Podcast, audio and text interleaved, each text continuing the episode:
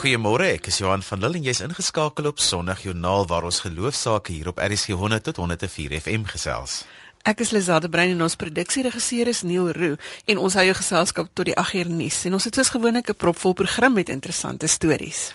Vanoggend gesels ons onder andere met Jan de Bruin van Highway Ministries, Michelle Lize van Wyk van Stellenbosch, Liesel van der Merwe en professor Eddie van der Bort van die Vrye Universiteit in Amsterdam wat besig is met navorsing in Suid-Afrika. Jy hoef natuurlik niks mis te loop nie, want jy kan ook Sondag Joernaal as 'n potgooi gaan luister op RSG se webwerf by rsg.co.za.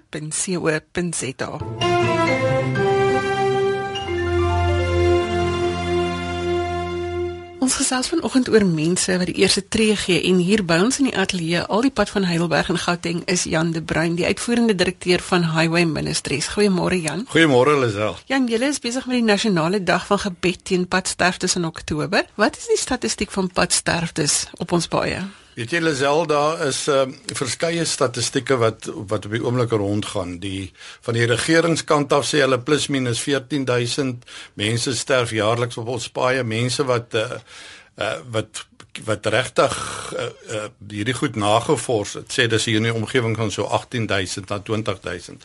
Ongelukkig het ons agtergekom dat mense wat beseer word tydens 'n ongeluk en byvoorbeeld 2 weke of 'n maand of 'n jaar daarna sou sterf as gevolg van die ongeluk.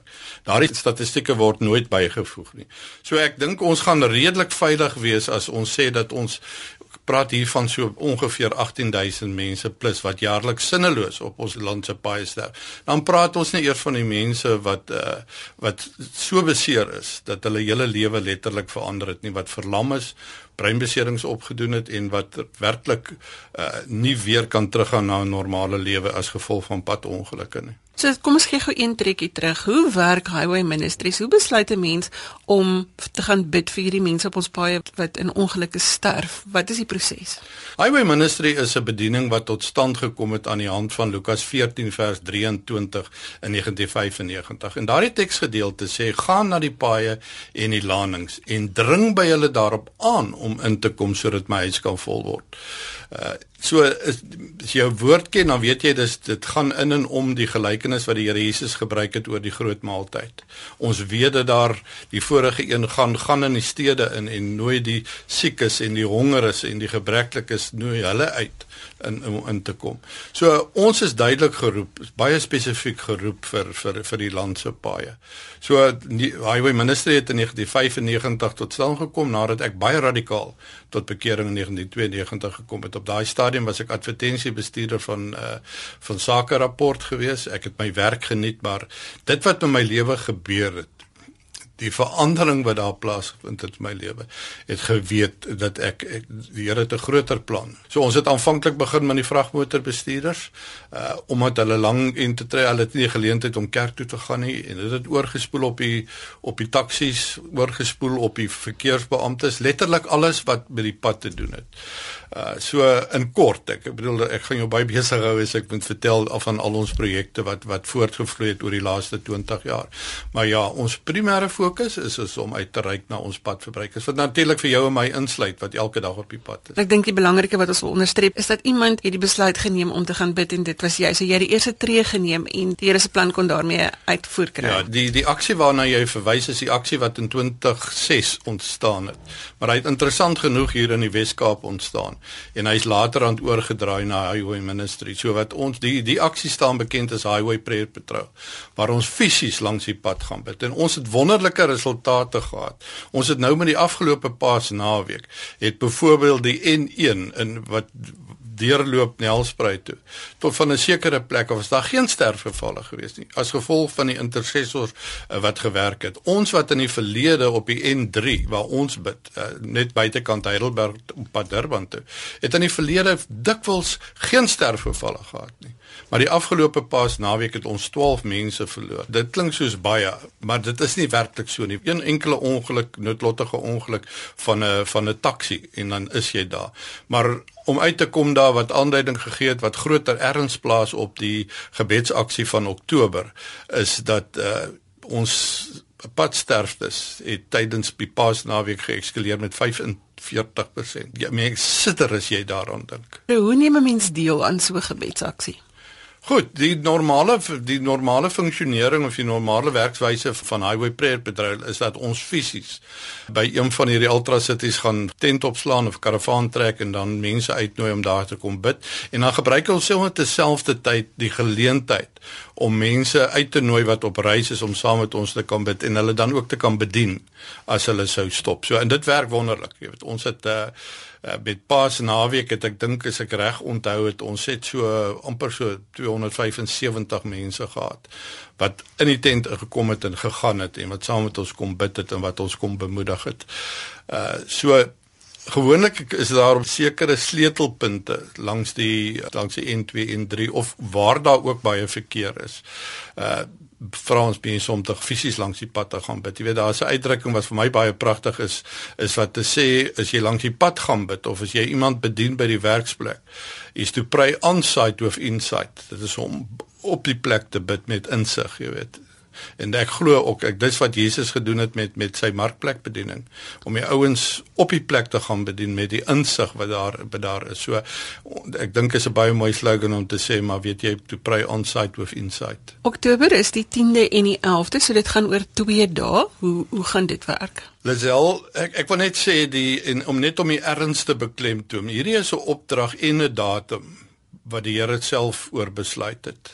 Uh so Ons vra die mense die 10de se Saterdag om basies daai hele naweek in te klee in en om gebed vir padveiligheid. En dan gaan dit as volg werk. Die die Saterdag vra ons die intercessors en die bidders van elke dorp om asseblief ernstig te luister oor wat ons nou sê en te besin oor wat moet gebeur. Ons vra die bidders in samewerking met die polisie en die verkeersafdeling om hoe ongeluk insidente waar ongelukke oor en oor plaas word te identifiseer, gevaarlike plekke. En dit dan daar te gaan bid, fisies te gaan bid daarso die plek te salf en dit op te dra aan die Here. Want die woord leer vir ons dat bloed roep bloed.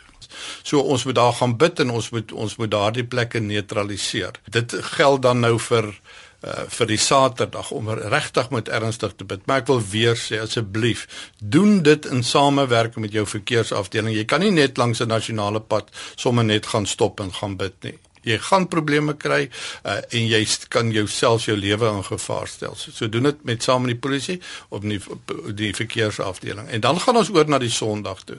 En hierdie is 'n beroep op die liggaam van Christus en veral op ons leerlaars, leraars en predikante en pastore asseblief ons vra dat daardie dag dat alle prediking sal gerig wees op my gedrag op die, op die pad. Met ander woorde, my padveiligheid, my gedrag wat die uitkoms van padveiligheid raak. En ek moet nou tot my skaamte vanoggend sê Lazel, uh dit gebeur maar met ons almal dat uh, die situasies veral in Johannesburg, ek hoor nou maar luister nou in die oggende maar hier in die Kaap ook. Die verkeer is baie druk en mense raak ongeduldig en dan doen hulle onverantwoordelike dinge wat dan nou dikwels 'n invloed het op jou en my se se se optrede.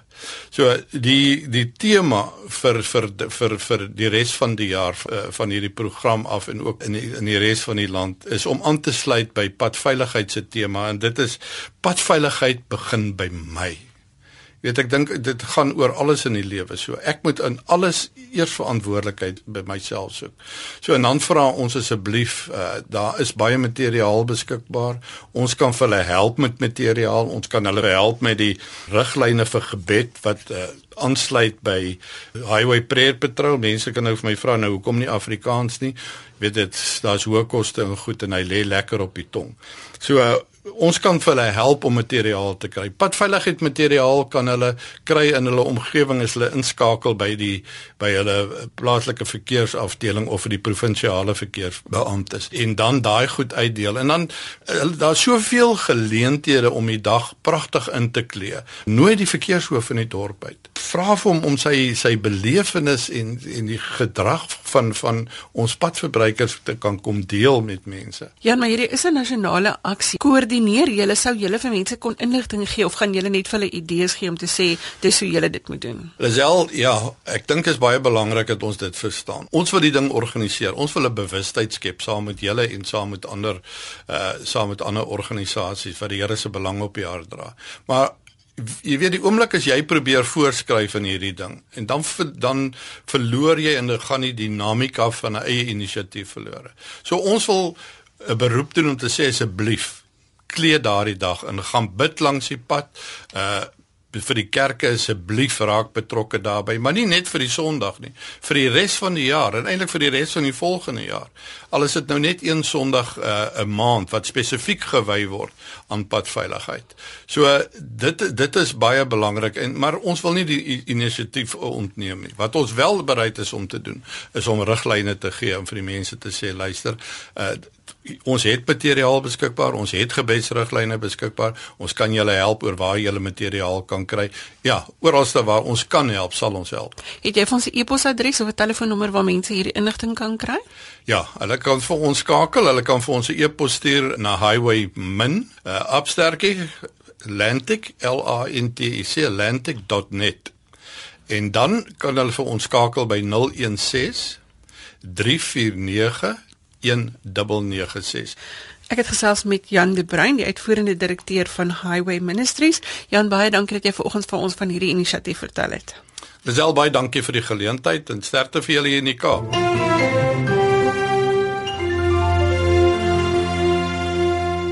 As jy sopas ingeskakel het, sê ons goeiemôre. Dis Sondag Joernaal saam met Johan en Lisel.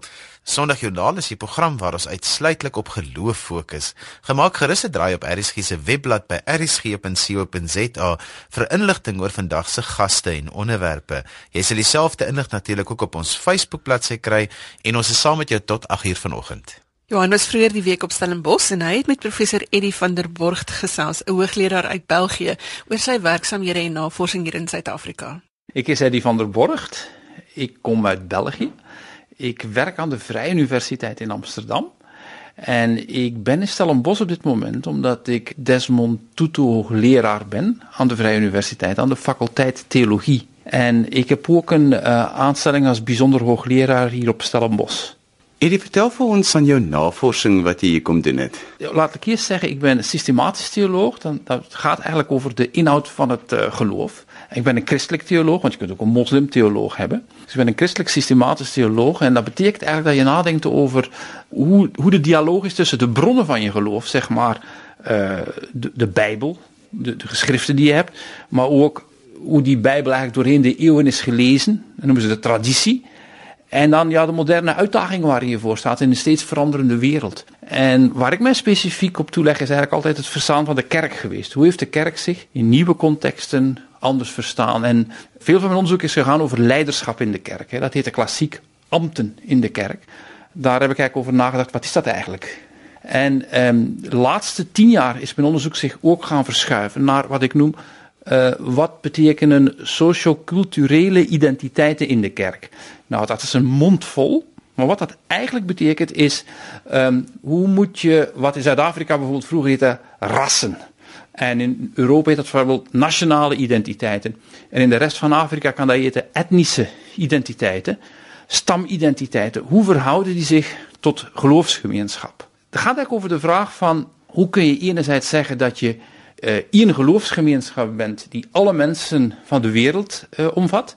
En tegelijkertijd toch ook erkennen dat mensen uh, deel zijn van groepen die elkaar sterk aanspreken. Dan noemen we dus die socioculturele identiteiten. Jouw nationale identiteit, jouw culturele identiteit. Hoe verhouden die zich? Hoe komt dan in Zuid-Afrika hieroor kom navorsing doen? Ja, Zuid-Afrika is, is, een heel interessant land, omdat enerzijds Zuid-Afrika heeft een, een hele lange geschiedenis van uh, nadenken van hoe, hoe moeten mensen met elkaar leven uit verschillende culturen. Wat je niet mag vergeten is dat eigenlijk in Zuid-Afrika, daar is er op 300, 400 jaar enorme migratiegolven geweest. Uh, van mensen uit Afrika zelf die zich bewogen hebben. En ook van mensen die van buitenaf zijn gekomen. Mensen van Europese afkomst met name, of ook uit Azië. Nou, al die bevolkingsgroepen zijn op een paar honderd jaar te samengekomen. Dat heeft heel veel spanningen veroorzaakt. Daar heeft men op verschillende manieren proberen mee om te gaan. Dat heeft op een bepaald moment tot het idee geleid van die verschillende ontwikkelingen, apartheid. Maar dat is eigenlijk maar een fase in dat zoeken naar hoe kan je nou op een goede manier met verschillende culturen met elkaar samenleven. Uh, in Europa is dat eigenlijk veel minder geweest, want uh, daar heb je veel meer monoculturen. Nu zie je dat ook verschuiven. Je ziet het probleem dat Europa heeft met migratie. Eigenlijk weten we niet goed hoe we daarmee moeten omgaan. Liefst zouden we gewoon de deur sluiten. Met alle tragische gevolgen van die mensen die op, in de Middellandse Zee verdrinken. Maar in Zuid-Afrika is een land waar dat altijd heeft gespeeld. En natuurlijk, juist als, als theoloog vind ik Zuid-Afrika ook een heel uh, bijzonder land, omdat in Zuid-Afrika is daar ook theologisch over gedacht. En wat er eigenlijk is gebeurd, is dat eigenlijk de rest van de christelijke gemeenschap in de wereld heeft gezegd, dat kun je gewoon niet doen wat jullie voorstellen. Jullie zeggen eigenlijk van, ja, wij zijn alle mensen die horen bij één gemeenschap, maar voorlopig gaan we ons allemaal indelen volgens ons ras, hè, of volgens onze, sociaal, of onze culturele identiteit. Ons is allemaal verschillend en we hebben eigenlijk voor de rest niks met elkaar te maken tot zal maar zeggen, als we bij elkaar in de hemel zijn. Zo lang moeten we daarop wachten. Eigenlijk heeft de rest van de, van de christelijke gemeenschap, dat kun je gewoon niet zeggen. Eigenlijk is dat ketters. Wat 'n kontraste is daar tussen Suid-Afrikaners en Europeërs? Eigenlijk zou ik zeggen steeds minder. Wat je eigenlijk ziet is dat um, Zuid-Afrika steeds meer onderdeel geworden van de globale samenleving. Zuid-Afrika heeft zich ten tijde van apartheid bewust bijna geïsoleerd van de moderniteit. Ik zou zeggen van de vaart der volkeren. Zetten zich apart. Uh, zij het rode gevaar, het zwart gevaar. En uh, zetten zich apart. en eigenlijk is nu Zuid-Afrika in zekere zin een, een gewoner land geworden met dezelfde issues die overal spelen. Dus in die zin is eigenlijk Zuid-Afrika toch gewoner geworden. Um, nou, er is natuurlijk nog grote verschillen. Ik maar een van de dingen die natuurlijk het meest opvalt in Zuid-Afrika is het verschil tussen arm en rijk. Uh, dat is denk ik ook een enorme grote uitdaging. En vandaar ook altijd de oproep tot uh, rechtvaardigheid en gerechtigheid vanuit verschillende hoeken. Dat is heel begrijpbaar. Dus dat is één kant. Wat ik verder vind is naast het verschil tussen arm en rijk, is dat in Zuid-Afrika, en dat is eigenlijk voor heel Afrika, zijn de mensen veel religieuzer. Dat is in uh, Europa op dit moment veel minder het geval. Eigenlijk zou je kunnen zeggen dat uh, religieuze gemeenschappen uh, over het algemeen een groot vertrouwen hebben. Statistieken wijzen dat ook uit. In Europa is dat veel minder. Eerst en vooral zijn veel minder mensen met um, geloofsgemeenschappen verbonden. En het vertrouwen is ja, veel minder. En dat, heeft, dat is een, een, historische evolutie geweest. En die heeft de laatste 10, 15 jaar is die eigenlijk nog enorme versnelling in sommige landen geraakt. Door uh, seksueel misbruiksschandaal. Die teologiese gesprekke wat jy in Europa het, hoe verskil dit van die teologiese gesprekke wat jy hier in Suid-Afrika kom het? Ik denk dat die niet zo heel veel verschillen. Ik denk niet dat die zo heel wel. Eén onderwerp zou je kunnen zeggen wat hier op dit moment minder speelt, dat is um, radicalisering en geweld en terrorisme. Daar hebben wij in Europa nu uh, mee te maken. Dat is misschien het, het hotste item dat er is op dit moment. Dat is de vraag van hoe ga je om nu met uh, uh, moslimradicalisme. Dat leidt tot jonge mensen die uit hun gezinnen weggaan, waar de ouders niet van weten, die naar Syrië trekken en uh, die daar vreselijke dingen doen. Um, hoe, hoe, is dat te begrijpen en wat is de rol van religie? Nou, dat is het enige wat ik eigenlijk zie, dat is een thema wat ik eigenlijk uh, niet hier zo aantref. Ik zou bijna zeggen, gelukkig dat je daar niet mee moet uh, bezig zijn en gelukkig dat dat op het moment hier niet speelt. Ik zou ook kunnen zeggen, dat is ook een van de bijzondere dingen ook, die samenhangt met het zoeken al lang naar samenleven van verschillende culturen, is dat men ook religieus een grotere diversiteit heeft die al lang bestaat en die eigenlijk als het ware vanzelfsprekend is in Europa, ja, een vrouw die met een hoofddoek draagt, dat loopt bij gewoon nog veel mensen een soort op van, die horen hier niet. Die horen hier niet thuis. Ik denk dat jullie in Zuid-Afrika al veel langer daar gewoon zijn. Dat, ook, gewoon, dat is een onderdeel van Zuid-Afrika. En ik denk dat wat dat betreft Europa nog een grote weg heeft af te leggen. Ik wil afsluiten met die verwijzing naar die angst. Dit is iets wat Europa eintlik by Afrika kan leer, nee? Absoluut. Absoluut. Ik, ik sta ook van versteld altijd hoe uh, Afrikanen met allen uh, geweldige uitdagingen, ook materiële uitdagingen, um, geweld, ook veel geweld in Zuid-Afrika, hoe uh, eigenlijk de mensen daar ook een stuk aan gewoon zijn en eigenlijk toch heel dikwijls heel hoopvol zijn denk ik ook dat het soms ook wel te maken heeft met een, um, een religiositeit. Mensen die religieus zijn, die hebben toch vaak een soort uh, een, hoop die ze niet als uit, uit hun eigen kunnen putten, maar die ze zeggen van het zal uit de hemel moeten komen. En dat is iets wat dan uh, ja, ook opvallend is in, in uh, Zuid-Afrika.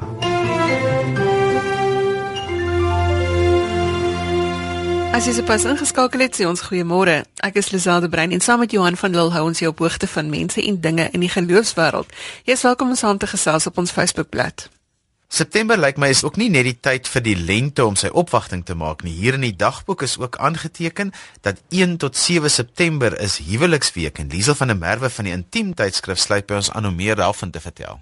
Liesel van der Merwe is redakteur van 'n Intiem tydskrif en hulle dryf die Suid-Afrikaanse Huweliksweek wat nou binnekort van 1 tot 7 September gaan plaasvind. Goeiemôre Liesel. Môre Lisel. Welkom hier by ons in die ateljee. Baie dankie. Dis lekker om hier te wees vanoggend. Ons het nou al 'n bietjie gesels oor die Huweliksweek, maar herinner gou weer vir ons aan die hoekoms en die hoe alles werk. Nou, is al Huweliksweek is 'n soos derde jaar wat ons dit aanbied. Dis deel van internasionale Huweliksweek. So dit is 'n beweging wat oor die hele wêreld klomp mense bymekaar kom en opstaan en sê huwelik is belangrik. So in huweliksweek is dit 'n tyd wat ons vir paartjies wil sê, kyk weer na die welstand van jou huwelik. Ons is um, om die Engelse woord te gebruik baie op autopilot in ons lewens en veral in ons huwelike. En dit is 'n week wat ons moet gaan fokus en weer gaan kyk wat kan ons vir mekaar doen? Hoe kom ons by mekaar uit? En ons het 'n lekker webwerf waar jy kan gaan en goedjies aflaai, interaksie en doen. Jy gee 'n bietjie instruksies van hoe gaan ons nou hierdie huweliksweek inrig. Ja, daai webwerf is so groot persent. Daar is verskriklik baie lekker goeders. Daar's huwelikskursusse, daar is um artikels, daar is beraders en die adres vir dit is sahuweliksweek.co.za. En as jy 'n Engelse vriende het, dis samarriageweek.co.za. Dis al in 'n huwelik kan 'n mens nie terug staan en aan mekaar wag dat iemand anders die eerste tree gee nie. Jy kan nie wag dat iemand anders die probleem probleem oplos nie. Ja, dis baie waar, Lisel. En enige huwelik is 'n vennootskap. Maar as jy altyd moet staan en wag omdat jy voel jy het nie die fout nie of jou man kan daarom dit doen of my vrou kan daarom dit doen, dan maak jy baie groot fout want jy het 'n verantwoordelikheid binne jou huwelik om 'n eerste tree te gee. En die eerste tree soos as jy gaan vir jou fiksheid of wat ook al is net regtig waar die eerste tree. Maar om 'n eerste tree te neem is baie keer 'n stap van vrees. Ons het in ons koppe iets wat dalk nie gewerk het in die verlede nie of ons het seer gekry. En om daai eerste tree weer te gee is 'n baie dapper ding om te doen, maar ek wil regtig vir mans en vrouens aanmoedig om moet by mekaar te skap op jou knieë te gaan en alles doen wat jy kan om weer daai eerste tree te gee. En die eerste tree van 'n lang lang pad wat jy weer saam kan stap. En Esa Huweliksweek maak dit vir jou moontlik deur dit wat hulle gee in terme van inligting. So op die webblad is daar met die kursusse wat ek nou-nou genoem het, is daar baie inligting, daar's baie tools wat jy kan gebruik. Daar's baie gereedskap wat jy kan uitpak en vir jou help om hierdie tree te gee na 'n beter toekoms saam. Ja, so hierdie is nou 'n lekker week waar jy kan fokus om daai vrees te oorkom en om 'n bietjie in te oefen. Ja, dat ons dat ons maar kan sê, hoorie sommer ek is nie nou gelukkig nie, kom ons praat hieroor. En eintlik is dit ook baie belangrik ons praat nou van man en vrou, maar ons hoor sit deesdae baie van hierdie jong kinders wat selfmoord pleeg. So mamma moenie wag dat liefie nou sê mamma daar's iets fout nie. Mamma moet maar invra. Ons moenie bang wees dat jou kind nou vir jou gaan kwaad wees want jy meng nou in en al hierdie goeters nie. So dit dit gaan ook vir die vir die groter gesin. Ek dink ons is baie, baie keer so bang om nie op ons plek te wees nie, om buite die lyne buite die grense te gaan om om amper te veel te wees, om te naby te wees en daar is nie so iets nie. As ons mekaar liefhet en mekaar omgee, dan beteken dit jou belange, jou elke dag is my amper meer belangrik as wat my eie is om vir jou te sorg en al hoe jy dit kan doen is om in daai persoon se wêreld te kan wees en om belang te stel en te hoor wat sê, om uit te kyk vir tekens. Um, om te kyk met watter maatjies daar omgegaan word en te kyk hoe lyk die punte in die skool. Ag, jy gewone goed wat ons ken, maar ook om te weet jou kind se hart, waar is jou kind se hart en en hoe kan jy as ma altyd uitreik. En is nodig dat ma en pa moet saam staan dat ons 'n front moet hê waar ons albei dieselfde ding sê, juis ook om dit vir die kinders makliker te maak, om dit vir mekaar makliker te maak. Ons moet so van op dieselfde bladsy wees. Ja, en ek dink wat so lekker is van man en vrou saam en van ma en pa saam is almal het 'n verskillende manier van praat. So pa's dalk 'n plek waar hy gaan dalk miskien eers streng wees, maar dis ook 'n plek van reg en verkeerd. Ma se dalk 'n plek van warmte, maar dit is, is verskillende stemme met dieselfde boodskap. So dis 'n plek van totale veiligheid vir 'n kind. Liesel in hierdie week fokus ons nou op uh, man en vrou sodat julle nou vir mekaar moet uitmaak. Hmm. Watter drie dinge in 'n neutedop sal jy dalk sê is die belangrikste wat ons in hierdie week moet op fokus om om naby mekaar te kan wees? In die eerste plek tyd om tyd bymekaar te maak en om enige ding wat jy gewoonlik doen. As ons sê tyd dan dink mense baie keer goed nou moet ek 'n aand hê en ek moet nou die kinders reël en dit is nie noodwendig dit nie. Dit is om jou aandete vanaand op 'n kombers op jou bed te eet. Dit is net om daai norm te breek van die normaal wat ons doen om hierdie week sonder die TV te eet um, om by mekaar te sit om saam te bad om op jou man se spieël dalk met 'n met 'n lipstifie te skryf. Enige ietsiekie wat jy nie gewoonlik doen nie. So om hierdie week regtig 'n fokus te maak op 'n spesiale iets wat jy vir mekaar doen En dan baie belangrik is jy moet registreer op die web op die webblad en jy moet deelneem aan die goed wat daar is. Een van ons groot um, oproepe oor hele Suid-Afrika is uh, die hernuwing van troubeloftes. Nou as jy nou 1 of 2 jaar getroud is, gaan hierdie nou nie in jou hart aanklank vind nie, maar as jy al 10 jaar getroud is, gaan jy presies weet waarvan ek nou praat.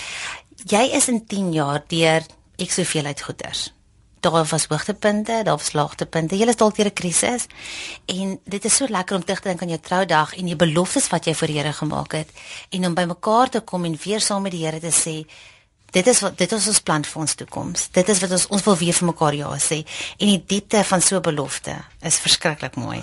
Ek wil amper sê jy moet nie wag vir 10 jaar nie, moet dit maar elke jaar doen. Dit is ou dit dit is nou baie waardelik. Voorsorg eerder as nasorg ja, seker. Want as ons dit elke jaar doen en ons fokus daarop, dan gaan ons dalk 'n paar van daai probleme oor die 10 jaar opgelos kry. Liesel, jy het gesê daar's 'n webwerf, gee net gou weer vir ons daardie kontakdetail.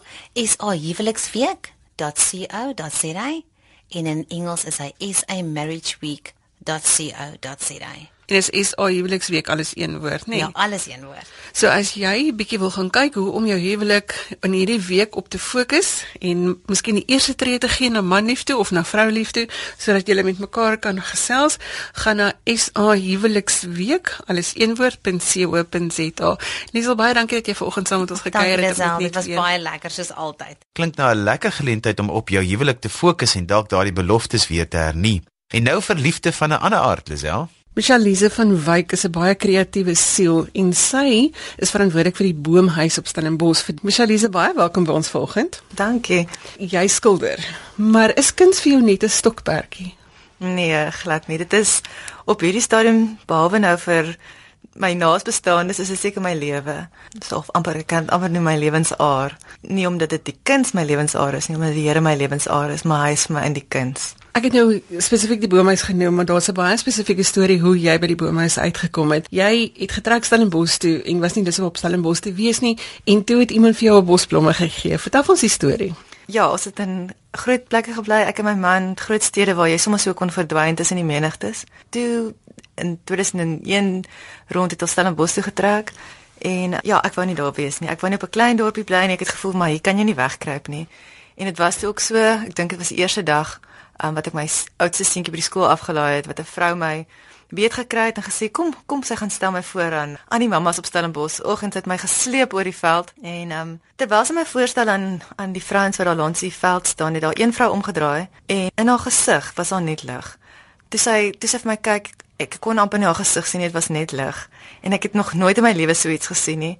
Ek was verstom. Ek was so aangeraak. Ek kon nie verstaan wat dit is aan haar nie. Baie gesê op daai stadium van my lewe was ek maar redelik verhard en verbitterd en kwaad vir almal. En so het ek die vrou begin stalk. Dit het my gevoel maar daar's iets daai vrou, daar's iets in haar en ek weet nie wat dit is nie, maar ek wil agterkom wat dit is. So ek het oral probeer kyk, waar is sy? Wat doen sy? En ek na dit het sy gevoel sy moet vir my blomme koop. Later het ek dit gehoor, sy het nie regtig baie geld gehad om vir my blomme te koop nie en sy het sommer by blommewinkel omgegaan en gevra ag het julle nie net vir my afkats nie stukkies wat julle nie gaan gebruik in die ringskikkings nie? En hulle het toe vir 'n massiewe bosblomme um, bymekaar gesit van letterlik elke tipe blom wat jy kry. So daar was nie dit was nie 'n bos sonneblomme of 'n bosrose nie dit was alles. En sy het dit na my huis toe gebring. Um net my voordeurklokkie gelei en gesê hallo sy wil net vir my nogmaals welkom sê op Stellenbosch En saam met die bosblomme het daar vir my so 'n warm liefde in my huis ingekom. Ek het vir gevra of sy wil inkom en of sy wil tee drink en sy het gesê nee, sy sy hoef nie nou in te kom nie. Sy wil net van die blomme gee. En daar was my iets ongeloofliks onvoorwaardeliks in dit. En bedoel sy wou niks hê nie. Sy wou nie my vriendskap hê nie. Sy wou net vir my iets gee. En um, ek het die deur toe gemaak en volgende oomblik plat geleep op die grond my gesig tussen al daai blomme, gehuil en gehuil en gehuil. En ek dink um dis vir my die draaipunt in my lewe gewees. Dit is belangrik dat ons die storie vertel want elkeen van ons kan elke dag uitreik mm. na iemand met 'n mm. baie baie klein aksie. Mm. Um, maar ons doen dit nie. Mm. Ons is nie gemotiveer om dit te verdoen nie. Mm. En hierdie is 'n aksie wat jou hele lewe verander het. Mm. Jy het die liefde ervaar, jy het die lig gesien. Mm. Om dit nou so te stel, dit is nou baie Bybelse ja, taal, maar absoluut. maar jy het letterlik die liefde ervaar. Absoluut. Ja, en bedoel, dat wat sê die liefde oorwin alles. So dit was vir my net 'n kragtige, baie werklike ervaring van liefde. En hierdie ding het jou hart oopgemaak. Jy het gesê jou hart was verhard, maar toe het jou hart versag en jy het begin skilder mm. en jy het 'n paar skilderye gemaak wat op die ou ende 'n boom gevorm het. Vertel ons daarvan. Ja, dit is ehm um, joh, dit is 'n 7 jaar proses gewees.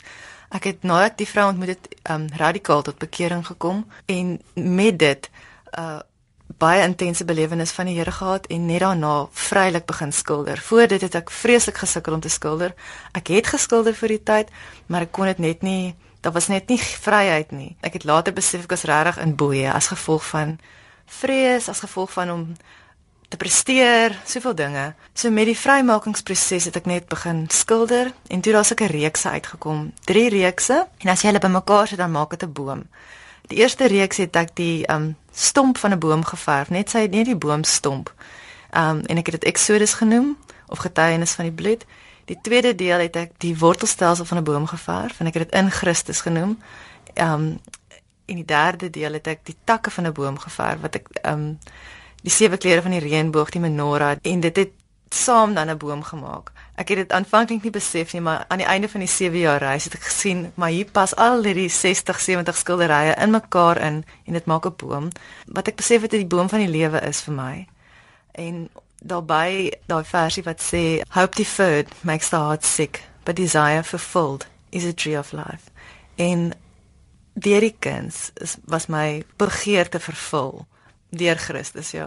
Ons praat nou van kuns as terapie. Wat gebeur as jy daai wit doek voor jou neersit en hierdie wit staar mm. na jou? Waar begin jy? Is dit nie 'n angswekkende ervaring nie? Nee, weet jy wat? Ek het moes oor al daai vrese kom en op hierdie stadium begin ek net. Begin net. Waar ook al jy is, begin net. En um, van daar af kyk maar stap vir stap, laat dit groei, laat dit ontwikkel. Ek dink ons maak 'n groot ding van die begin. Ek dink ons kan letterlik net in dit instap Ja, net 'n kol trek, 'n kol neersit, 'n streep trek en dan gaan jy van daar af verder. Jy met die eerste tree in jou voet in die water sit. Mm. Ek het iewers gelees jy gebruik blou en wit vir jou basis. Ek weet nie hoekom dit gebeur het nie. Dit was net elke keer as ek skildery begin het, het my gevoel blou en wit. Toe die wat onder lê, onder al die skilderye, geen om watter kleur hulle eindig nie, is 'n blou en wit basis. Vir my was dit maar net om terug te keer na die oorspronklike, na die na die basiese, na die blueprint wat onder alles lê. So as dit daai basis nie reg is nie, dan help dit nie ons bou enigiets voort as dit nie reg is nie. So vir my was dit maar die basis wat moet reg wees, die grondslag, die fondasie. Ja. Die proses van kuns maak. Ons lewe in so 'n kitswêreld. Alles moet nou gebeur. Sosiale media, jy het onmiddellik die nuus. Maar kuns is nie so 'n onmiddellike proses nie. Dit vat tyd. Definitief. Ek vir my is bly dit maar 'n geboorte om geboorte te gee aan iets. Ehm um, gedagte of 'n saadjie wat in jou geplant word en stelselmatig met daai gedagte groei hy, ontwikkel hy en op 'n stadium op 'n dag dan word daai kom dit voort. Jy kan dit nie forceer nie, jy kan dit dwing nie, jy kan dit nie opwerk nie.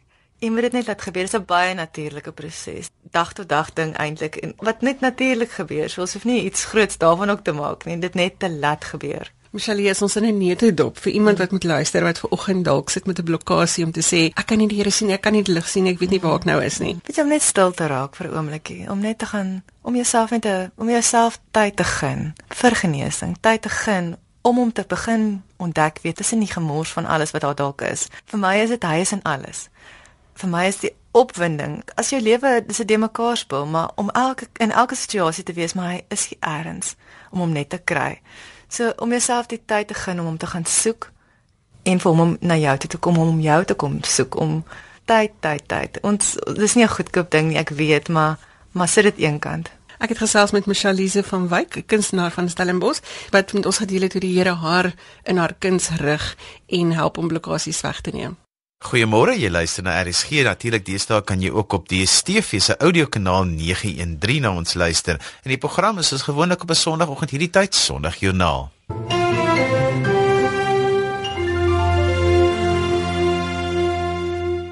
Ons is aan die einde van Augustus en daarom is dit weer tyd om te hoor hoe verskillende gelowe oor dieselfde saak dink en ek het by my in die ateljee Dr. Chris Jones van Communitas op Stellenbosch. Môre Chris en welkom weer by ons. Hallo Johan, dankie, dis lekker om hier te wees. En natuurlik ook vir Sheikh Tafir Najjar, môre Tafir. Môre Johan, dis plesier weer om hier te wees. Kom ons begin sommer dadelik en ons sê ons wil vandag praat oor goedhartigheid of welwillendheid is ook 'n ander manier om dit te stel. Chris, wat sê die Bybel oor goedhartigheid? Johan, daar's eintlik 'n paar pragtige gedeeltes in die Bybel wat wat daaroor gaan. Ek gaan net na so 3 verwys. Uh die een gedeelte kom uit die Ou Testament uit Spreuke 3 vers 3 waar daar staan: Moenie dat liefde en trou by jou ontbreek nie. Leef daarmee saam, maak dit deel van jou lewe. En dan in die Nuwe Testament in Efesiërs 4 vers 32 staan daar so mooi: Wees goedgesind en hartlik teenoor mekaar en vergewe mekaar soos God julle ook in Christus vergewe het en dan die baie bekende Galasiërs 5 vers 22 en 23 wat eintlik bekend staan as die vrugte van die Gees waar daar staan die vrug van die Gees daarteenoor is liefde, vreugde, vrede, geduld, vriendelikheid, goedhartigheid, getrouheid, nederigheid en selfbeheersing.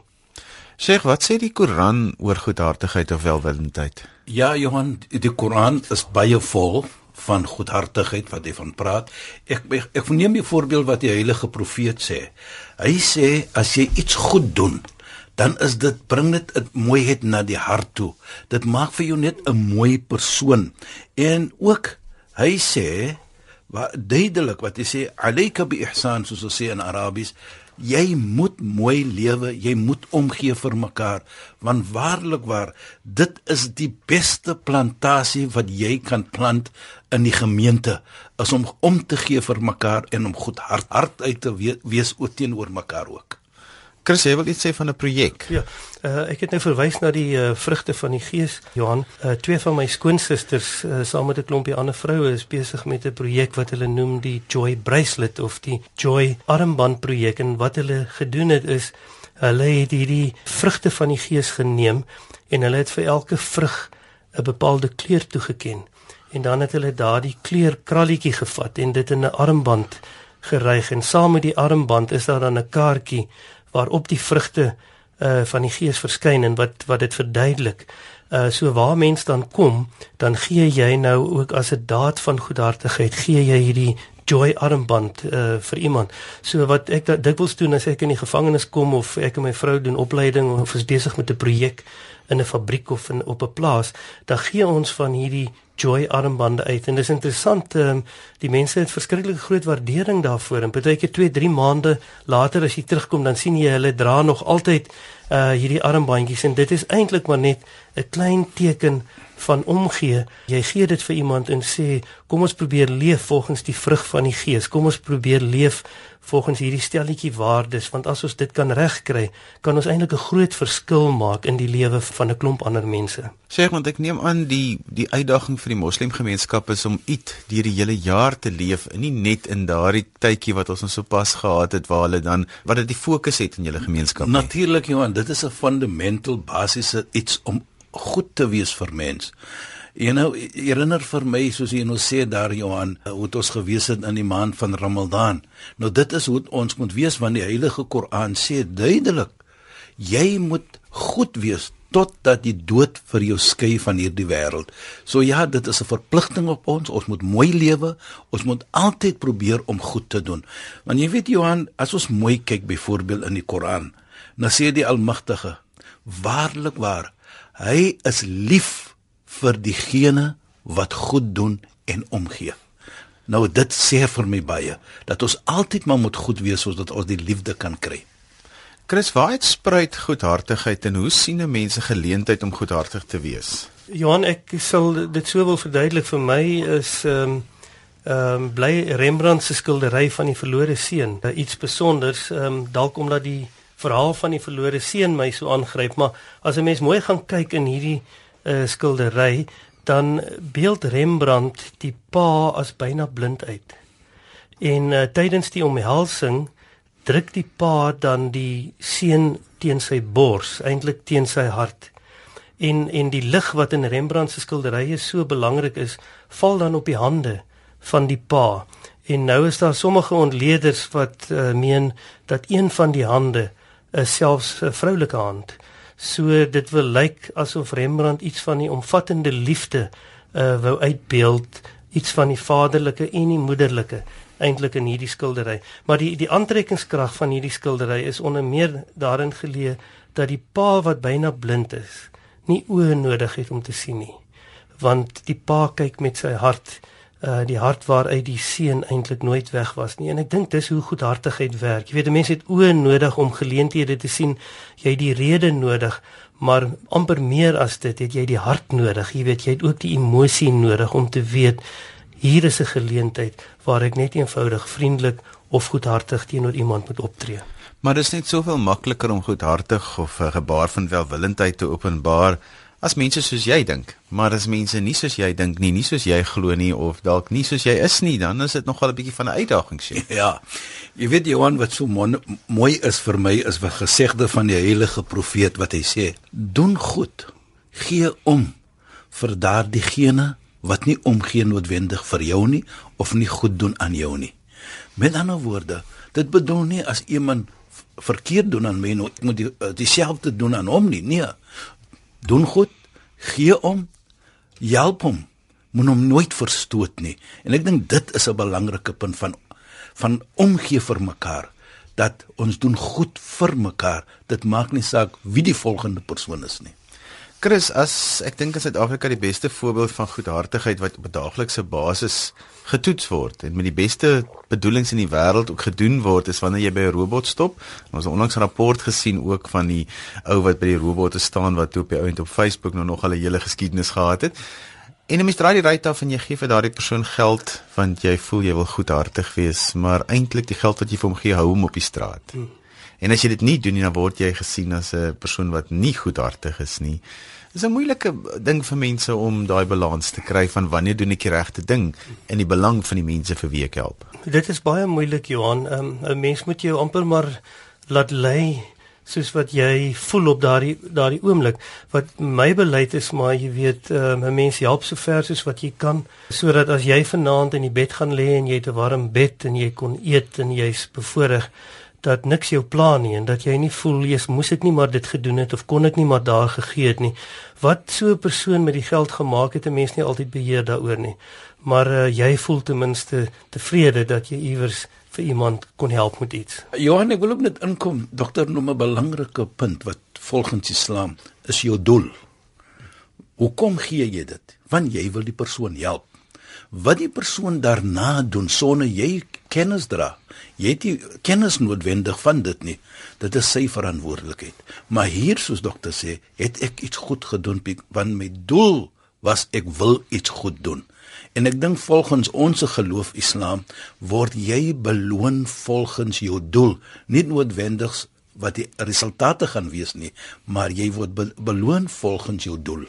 Chris, so ter afsluiting 'n laaste gedagte, dan moet ons alweer groet.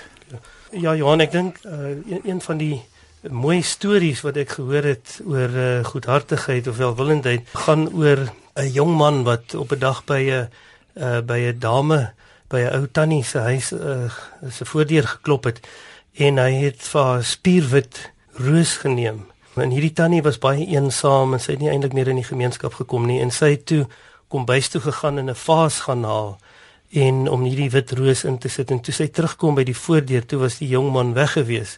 Maar toe merk sy skielik op die vaas waarin sy hierdie spierwit roos gesit het dit is vuil.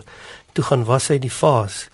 En op die einde sit sy die vaas op 'n tafel neer op 'n baie vuil tafeldoek. En toe gaan was hy die tafeldoek. En uiteindelik toe ontdek sy maar die matte is vuil en sy maak die matte skoon. En uiteindelik ontdek sy die gordyne is vuil en sy gemaak dit skoon. Uiteindelik het sy haarself weer mooi begin versorg. Sy het die mooiste rok uit haar kas gaan haal. Sy het haar hare versorg en die mense in die gemeenskap kon nie glo ehm um, wat met hierdie vrou gebeur het nie.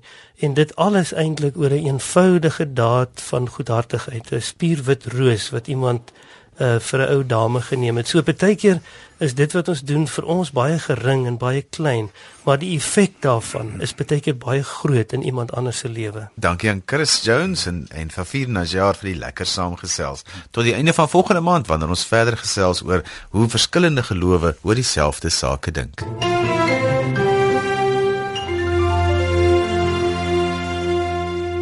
Volgende Sondag is ons weer terug met nog nuus uit die geloofswêreld. Jy kan vir my e-pos by Lazel by www.co.za as jy vir ons 'n storie het of jy kan ook vir ons 'n boodskap deur die webwerf stuur by rsg.co.za. Vir volgende week groet ek namens produksieregisseur Neil Roo agter die kontroles. Tot dan, totsiens. Ek groet tot later vandag vir eksamenersiening waar ons besig is met fisiese wetenskap. My gas is Henry Welman en ons praat vandag oor meganika. Ons begin sommer by vraag 1 van die eerste vraestel. Bly ingeskakel vir die 8 uur nuus net hierna. Van my Johan van Lille. Totsiens.